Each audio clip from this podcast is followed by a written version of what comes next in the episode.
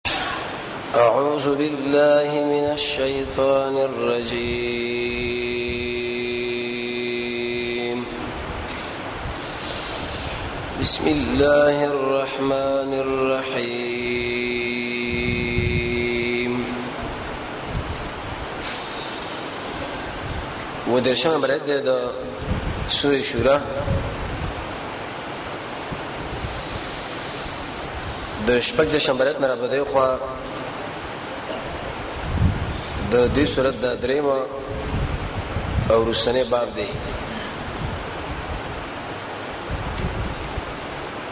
چې شپږ د شنبه نمبرات کې الله د دنیا بیرغبتی ذکر کړه د دنیا د ژوند الله وی هیڅ نه دی یقیني او حقيقي ژوند چې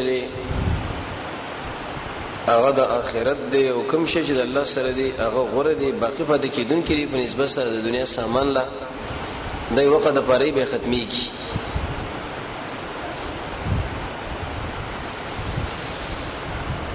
د نور سبب دوی مې نه صفات به ذکر کې مقصد به دې کې ترغیب جنت لا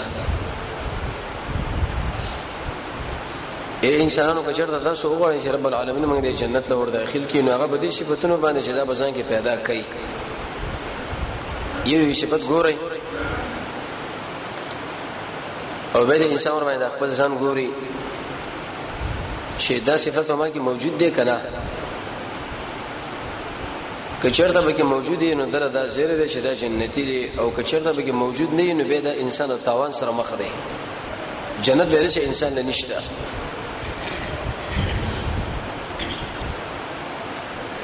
یو دوه صفاتونه تیر درس کې بیان شي وو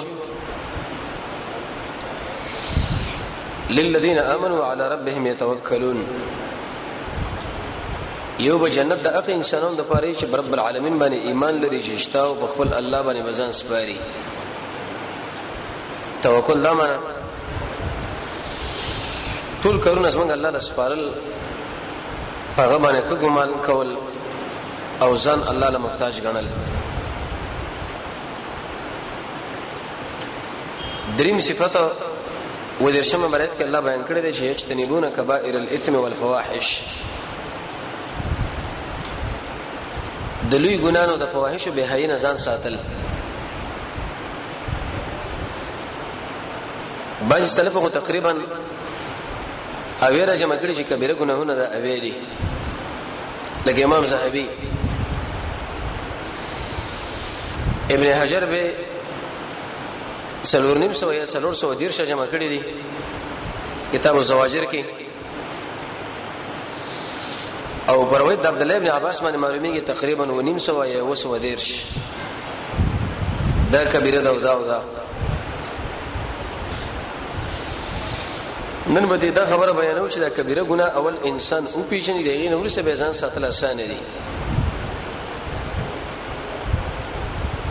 لګ لګ به بیانو په دینت باندې انشاءالله رب عزت موږ سره حفاظت ته وږي تر څو پر د جنت لایق شو اسره چې بل کبیره ګناه کې راګیرو د جنت نه الله محروم نه کی دا به پوره تاوان دی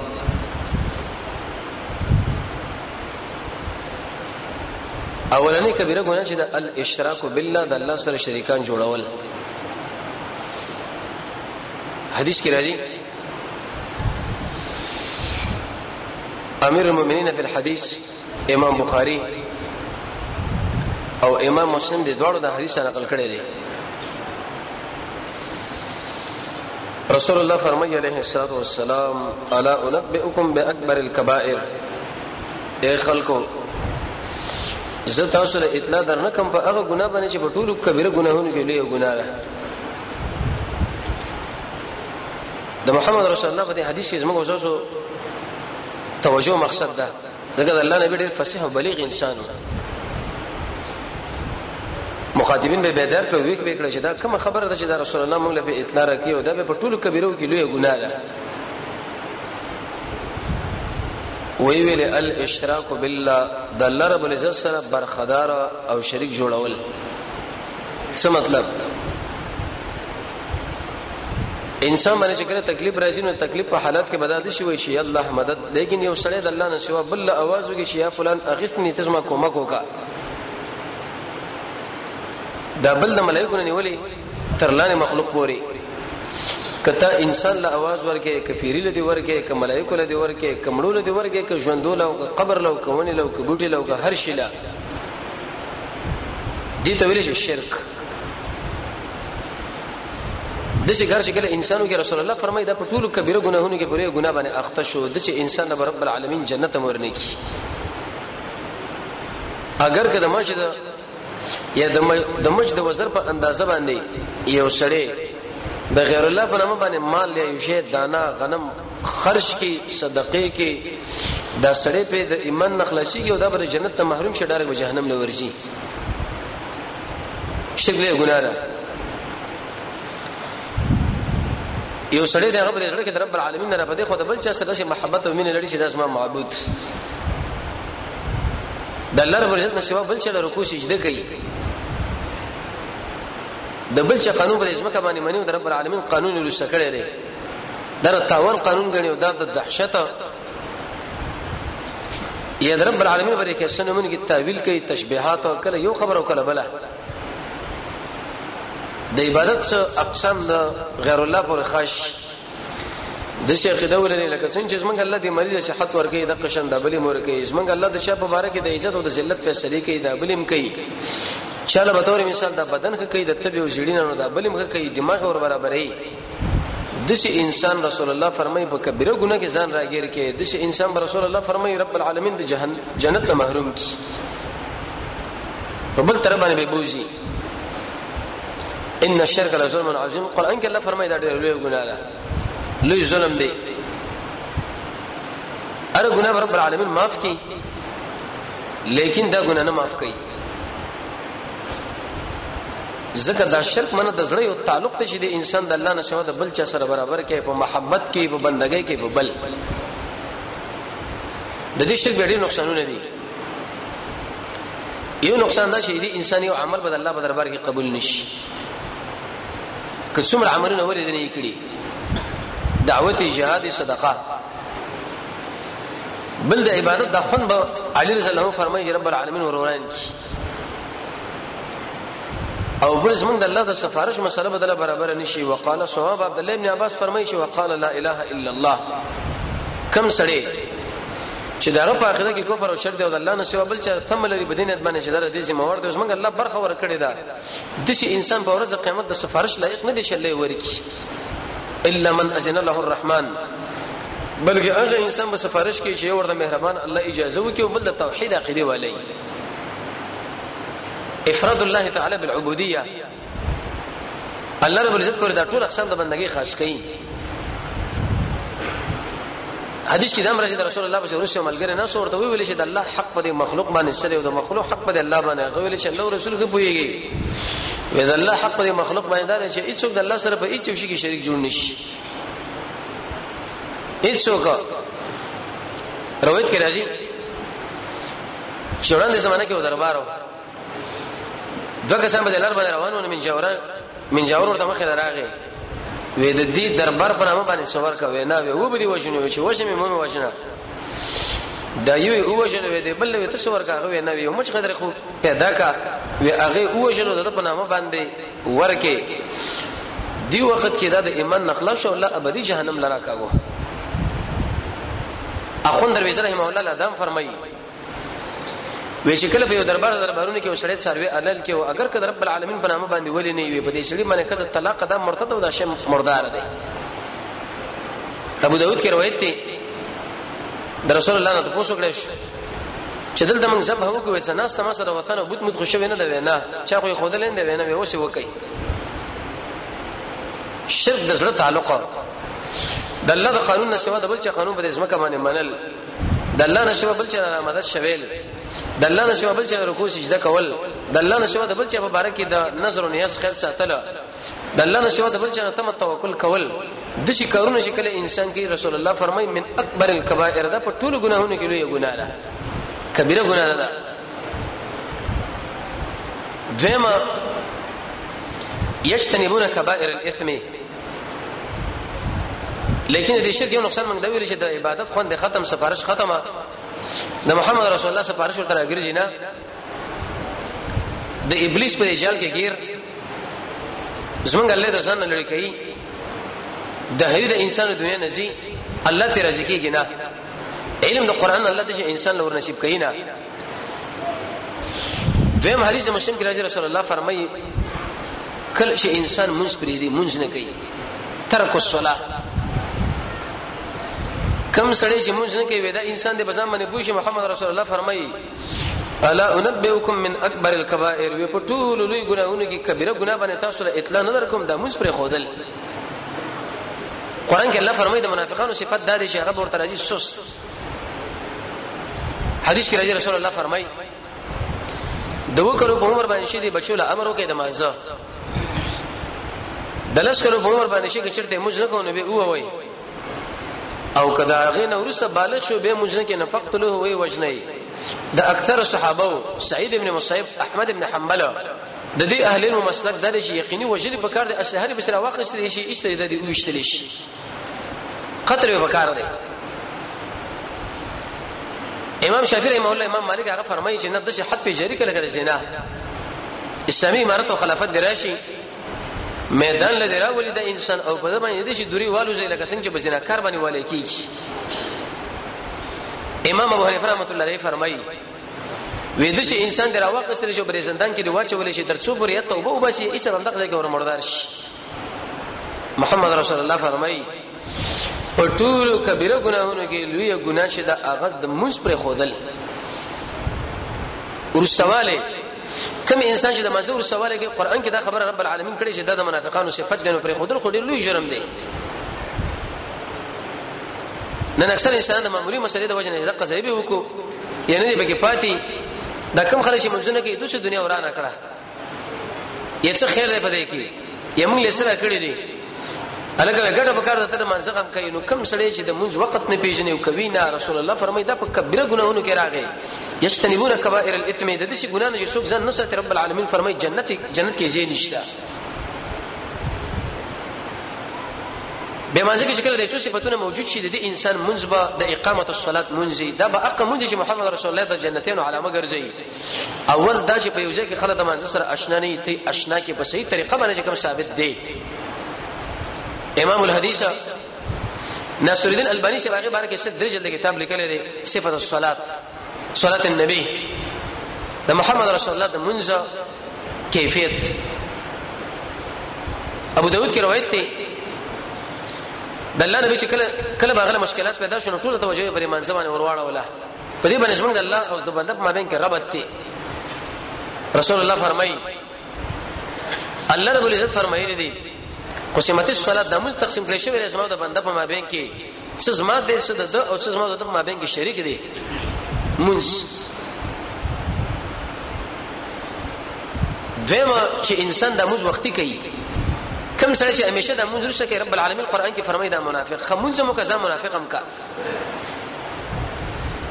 بل دا منه چې په کوم ځای باندې ته ودرېږي دا زه وګورې چې لکه دا د غصب زمکه خونه ده شر د مردار خو دې پرتنه ده لاندې حمام خونه دې چې پایې کې نارینه او زنانه شریک لامبي ګرجا د عیسایانو عبادت خانه خونه چې پایې کې تصویرانه قبرستان خو نه دی اقا جمعات خو نه دی چې باید دنه قبرونه وي او کوم ځای چې وکړ تړل کېږي هغه ځای خو نه دی چې کله د شي ځایونه یو ته چې مونږ پې کوي د دې انسان مز الله نه قبلې به دا خبره چې بده څه کوږي کیږي کو نه کیږي حمام د من نارینه او زنانه شریک لامبل په یو ځای کې نو عون المعبود کې هغه به د علماء د قول ذکر کړی دی یو قول دا چې بدی څه کوي کیږي وي وجه دا چې تلويش نشه کړته خو لیکن ظاهر د حدیث معلومه کې ځان کې ساتل پکار دي نه کول جمعه له بسړې راځي لا صلاه رجال المسجد الا في مسجد کم سړی چې جمعه په خوا کې گاونډي د شری عذر ونه لري هغه څومره منځنه وکي اسمنګ الله وسره نه مني تر څومره جمعه لرانش درې مونږ کینو او بل بل مزه کې محمد رسول الله طریقه اول نه اخر پوری دعاګانې رکوع سجده خشوع عاجزی امام غزالی سے فرمایي چې په کوم منځ کې عاجزی نه وي د انسان مز برباد دی سفیان ثوری فرمایي چې په کوم منځ کې عاجزي نه دا برباد دی حسن بصری فرمایي په دقه منځ باندې رب العالمین ته جهنم لبوزي معاذ بن جبل فرمایي وی چې کله سړی مونږ کې دیخي طرف او چپ طرف سړی او پیژندوي فلا صلات له دې انسان مونږ ونش سعید ابن جبیر فرمایي وی څلويخ کله ما مونږ کړی دی لیکن دیخي طرف او چپ طرف سړی منه دی پیژندلې ابن کثیر د صحابو نه دا خبره نقل کړې ده ای به چې کله منځونه کول به مرغان به بره پکې نه ساغي به د ګمن کو چې لکه دا چرته کانی پراته دي نظم دې منځونه لګوري رسول الله فرمایي قیامت ته نږدې د څه حالت براشي چې جمعه ته داخل شي یو کس مګي پیدا نه کې شغه ته خوشو ولای هر سړی به مونږ کوي کې یو کس مم نه او بعد ابن ثابت فرمایي حسن بصری فرمایي چې د دوه ځایونو کې سړی د الله په وړاندې ودرېږي یو مانځ کې او بل په میدان د حشر کې چې کله انسان باندې د خپل د منځه حالت سپکی نو دا د موږ په د باندې سپکی بل به کوم یو شی چې هغه په د باندې درون شي موږ کول نو موږ نه کوله رسول الله فرمای من اکبر الكبائر دا په ټولو ګناهونو کې اته ګناه ده چې کبیره ګناه ده دریم بل حدیث مسلم کې راځي رسول الله فرمای الا انبئكم باكبر الكبائر اي خلق تاسو نه اطلاع درنکم په ډیر کلوې کبیره ګناهونه باندې صحابه ویل ولنه یا رسول الله حقوق الوالدین د مور او پلار نه فرمانی کم سړی چې د مور او پلار نه فرمانی کوي د انسان په کبیره ګناه کې ځان راګیر کی قران چې تاسو وګورئ یو ځای کې څنګه الله امر کړی د خپل بندګۍ متصل ویلي دی ول بالوالدین احسانا اې خلکو د مور او پلار سره اکرام کوئ احسان وجه دا چې اول تربیه څنګه الله کړې دغه نه ورسې به مور او پلار دویم د امر پلس موږ سوسو تربيت کې چې یو څه پیسې موږ نه غواړي د خشن الله موږ له خوراک او سکرېږي راکې لیکن موږ څه پیسې نه غواړي بلکې یو بچی د امر پلس څومره نه مخالفت وکي لیکن د امر پلس پر ځړ کې د شو عاطفه لري چې چرته بنتي انکار ونه کړي چې داس موږ بچی نه دي هکذا یو بنده که څومره ګناهونه وکړي چې رب العالمین خو الله راشي زمونږ الله ته انکار نه کوي هغه ورته ټول ګناهونه معاف کوي رسول الله فرمایي زمونږ الله دې محبت نه ګوري الله رب العزت فرمایلی دی ابن آدم اے د آدم بچیا کله سم کې او د اسمان په ماده کې دا ټوله فضا او د خلا د ګنا نه ډکه کې تاسو مانه معافي وغواړه زه ته معاف کوم ولا وبال هیڅ پروا مې نشته ابن کثیر زمونږ د الله د مخلوق په مابین کې یو فرق کړي د مخلوق دربار له یو کرته ورشي به ورشي به څلورم ځل ورشه خاله بل پرې نه دي ګیټ به بند کی به ودا خبر کې چې پالتو انسان دی د سړي وخت خرابای په دې کې شرط اصل مونږ ګټه ده ټول تاوان دی اما زموږ د لوی الله شفقت محبت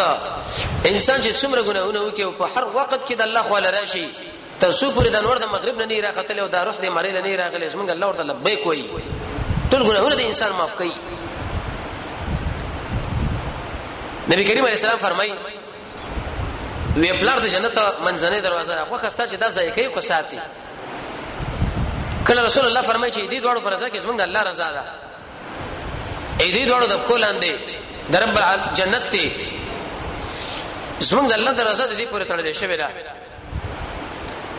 نو دلیل په دې باندې الا انبئکم باکبر الكبائر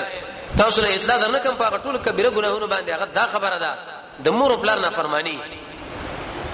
لیکن کله مور او پلار چرته د شي کار لته راولي چې باغې باندې رب العالمین خپه کیږي او محمد رسول الله خپه کیږي نو قران کې الله فرمایي چې فلا تطعما د دې دوه خبره به ممنه احسان سره کو خبره به نه مانی لا طاعت المخلوق فی معصیت الخالق کلا چې رب العالمین خفه کیږي به بده اچا خبره نه مانی نه بده مناسب مانی نه بده پلار مانی نه بده مور مانی نه بده بل بل بل بل ځکه الله رسول به کې خفه کیږي سلورما ويجتنبون كبائر الاثم محمد رسول الله فرمایي عليه الصلاه والسلام لوی کبیره ګناه په ګناهونو کې شهادت الزور د دروغ گواهی نن دا په خلکو کې ډېر اسانه ده الګا تاسو ما ملګری آو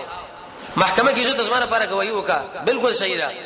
خیر دې گواہی نه کې تمره پیسې بدر کوم سره لاړ وشم محمد رسول الله فرمایي چې دا څوک په غلط او په دروغ باندې گواہی کوي وي دي چې په کبیره ګناه کې ځان راګیر کې د چې انسان به چرته د قران د مضمون نه معلومیږي جنت لایق نشو نه به جنت الله بوش رسول الله فرمای قران کې رب العالمین فرمای به ما کانوا یکذبون چې کم سره دروغ وای د منافق دی رسول الله فرمایي چې الله په نسبت باندې دا دروغجن ولي کله شي به کرشته مو الله نه مني خبرو کې دروغ د الله نبی فرمایي مؤمن انسان به بخل وکي د میدان د جنگ نه بوتښتي لیکن دروغ نه وایي چې کله انسان کله دروغ ویلې وي دا سړی د بزن باندې پوښي چې ایمان برباد شونه په بل تر باندې لاړو یو روایت کې دم راغلی دی د مازیګر منځنه روستا انسان چې کله خپل سودا خرچي او په قسم باندې خرچي جسمه په رب العالمین باندې قسم دې زمانه په دې باندې غوښته ده په دومره غواړي وې د سي انسان سره الله رب عزت اعلان د جنگ کوي اعلان د جنگ وکسانو سره یو پکې ده خاص کر په موبایل کې الګه به کوم ځای کې وي زه پلاني ځای کې دا دروغ دی دې شړې په کبیره ګناه کې ځان راګیر کې دې شړې د منافقانو په لیست کې ځان ور داخل کې او دې شړې د جنت نه ځان محروم کړو د جهنم په طرف ور تشکیل کې عبد الله بن مسعود فرمایي وکله چې د خلکو زړونه ایمانونه برابر و معمولی ګناه صحابه د شي غنله لکه غر چې ورته پر سر باندې پروت وي خو چې کله زونه وي مانونه خراب شو دا خلک د شي غني لکه مچ د پوزې په یو طرف باندې نه شو کله په بل طرف